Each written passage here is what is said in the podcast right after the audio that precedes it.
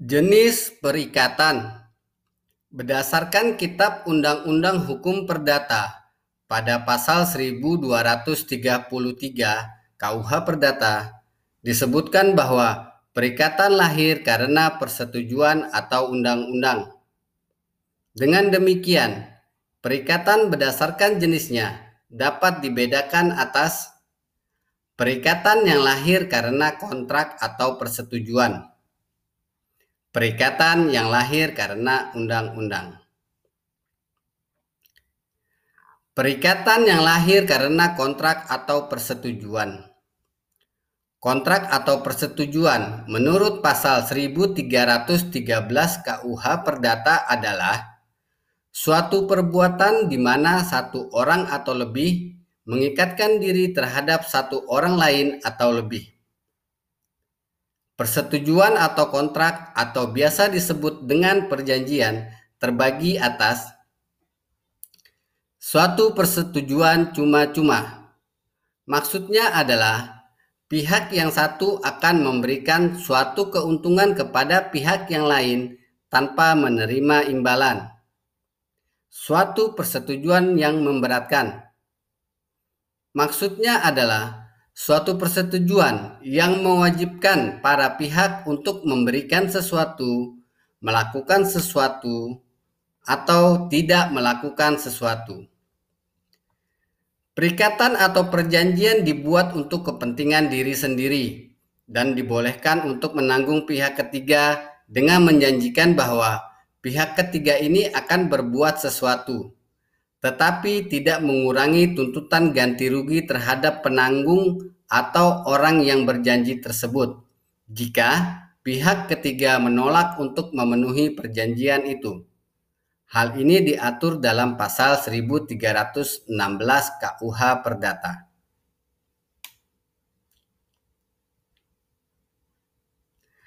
Perikatan atau perjanjian ini dapat juga dibuat untuk pihak ketiga apabila suatu perjanjian yang dibuat untuk diri sendiri atau pemberian kepada orang lain mensyaratkan hal tersebut.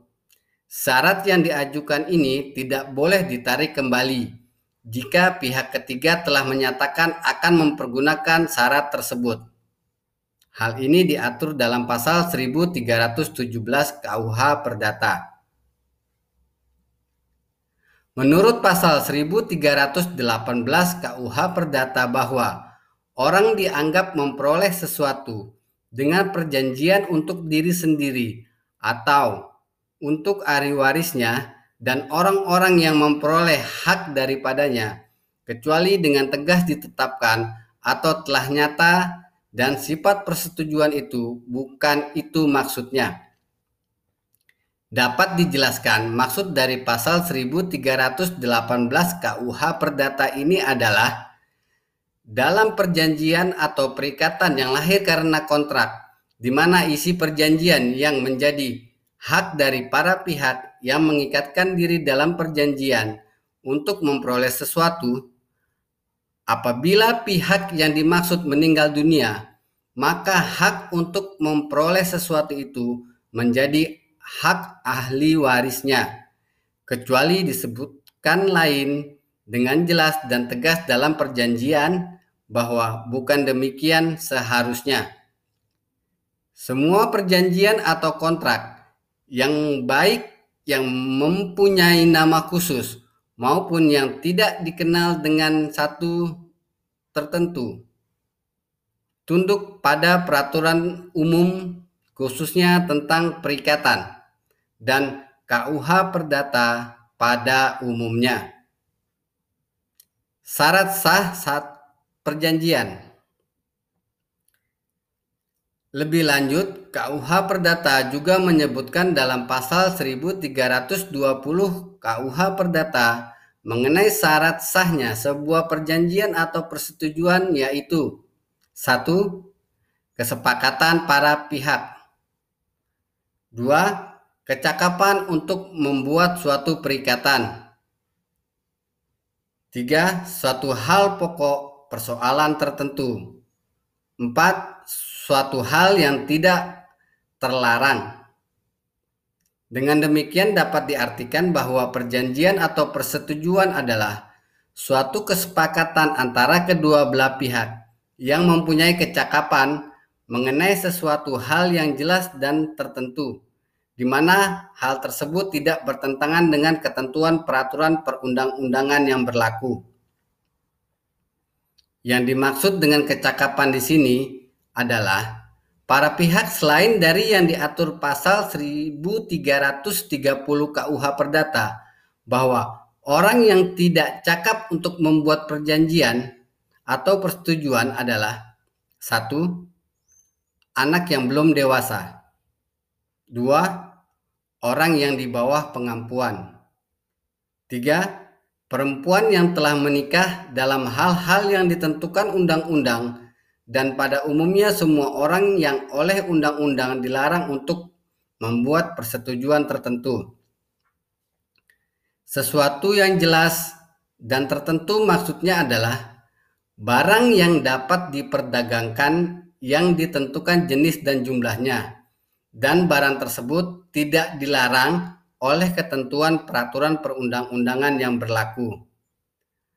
Berdasarkan uraian mengenai syarat sahnya suatu perjanjian, apabila tidak memenuhi syarat-syarat tersebut dan dilakukan dengan cara melawan hukum, maka perjanjian itu menjadi batal dan tidak sah dengan kata lain, tidak mempunyai kekuatan hukum. Akibat perjanjian Konsekuensi dari sebuah perjanjian tentunya adalah akibat atau dampak dari perjanjian itu sendiri. Sebagaimana disebutkan dalam pasal 1338 KUH Perdata bahwa perjanjian atau persetujuan adalah sebagai undang-undang bagi mereka yang membuatnya. Persetujuan tidak dapat ditarik kembali selain dengan kesepakatan kedua belah pihak atau karena alasan-alasan yang ditentukan oleh undang-undang. Persetujuan harus dilaksanakan dengan itikat baik. Perjanjian tidak hanya mengikat apa yang dengan tegas ditentukan di dalamnya, melainkan juga segala sesuatu yang menurut sifat persetujuan dituntut berdasarkan keadilan, kebiasaan, atau undang-undang. Hak ini diatur dalam pasal 1339 KUH Perdata. Persetujuan hanya berlaku antara pihak-pihak yang membuatnya. Persetujuan tidak dapat merugikan orang lain atau pihak ketiga. Persetujuan tidak dapat memberi keuntungan kepada pihak ketiga selain dalam yang ditentukan dalam pasal 1317 KUH Perdata. Dari bunyi pasal-pasal mengenai akibat suatu perjanjian, dapat ditarik kesimpulan akibat dari perjanjian adalah perjanjian merupakan undang-undang bagi para pembuatnya. Perjanjian tidak dapat ditarik kembali kecuali atas kesepakatan para pembuatnya. Perjanjian harus dilaksanakan dengan itikat baik. Perjanjian mengikat para pihak terhadap isi perjanjian dan segala sesuatu yang menurut sifatnya dituntut berdasarkan keadilan, kebiasaan, dan undang-undang. Perjanjian hanya berlaku terhadap para pihak yang membuatnya dan pihak lain yang memang telah diterima dan disepakati oleh pihak lain tersebut. Selain hal tersebut di atas, kreditur boleh mengajukan keberatan terhadap semua tindakan yang tidak diwajibkan yang dilakukan oleh debitur, di mana hal tersebut merugikan kreditur, yang mana hal tersebut memang dapat dibuktikan demikian adanya. Perjanjian harus menggunakan kata-kata dan kalimat yang jelas yang mempunyai arti dan makna yang sesuai dengan sifat dari perjanjian itu sendiri. Perikatan yang lahir karena undang-undang. Perikatan yang lahir karena undang-undang terbagi atas. Satu, undang-undang itu sendiri. Dua, undang-undang atas perbuatan orang yang terbagi atas perbuatan yang sah menurut hukum zakwarneming perbuatan yang melanggar hukum onreh mate kedat Perikatan yang lahir karena undang-undang itu sendiri maksudnya adalah bahwa perikatan itu timbul karena memang undang-undang mengaturnya demikian.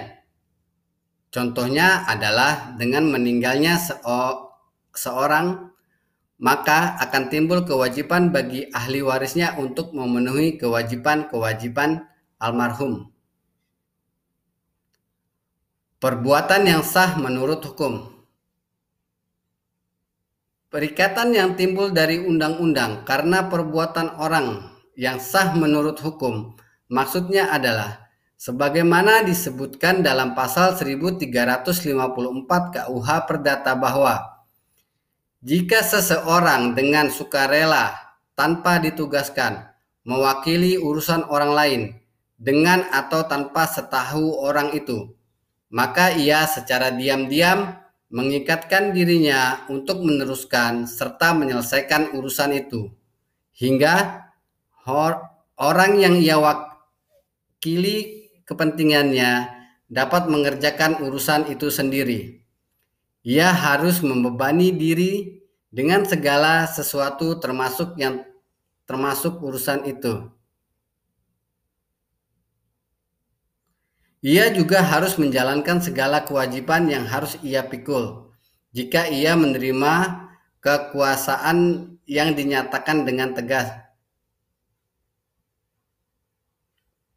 Perbuatan sebagaimana yang diatur dalam pasal 1354 KUH Perdata ini termasuk perbuatan yang sah menurut hukum, di mana dilakukan secara sukarela untuk mengurus suatu kepentingan orang lain, baik atas perintah ataupun tidak, sampai orang lain itu dapat mengurus sendiri urusannya.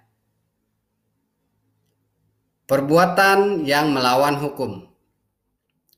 Selanjutnya, untuk perikatan yang timbul karena perbuatan orang yang melawan hukum, sebagaimana diatur dalam pasal 1365 KUH Perdata disebutkan bahwa tiap perbuatan yang melanggar hukum dan membawa kerugian kepada orang lain mewajibkan orang yang menimbulkan kerugian itu karena kesalahannya untuk mengganti kerugian tersebut. Seseorang tidak hanya bertanggung jawab atas kerugian yang disebabkan perbuatannya sendiri, melainkan juga atas kerugian yang disebabkan perbuatan-perbuatan orang yang menjadi tanggungannya atau disebabkan barang-barang yang berada di bawah kekuasaannya. Perbuatan melanggar hukum ini maksudnya tidak hanya melanggar ketentuan peraturan perundang-undangan, tetapi juga melanggar kesusilaan dan kepatutan dalam masyarakat yang merugikan orang lain.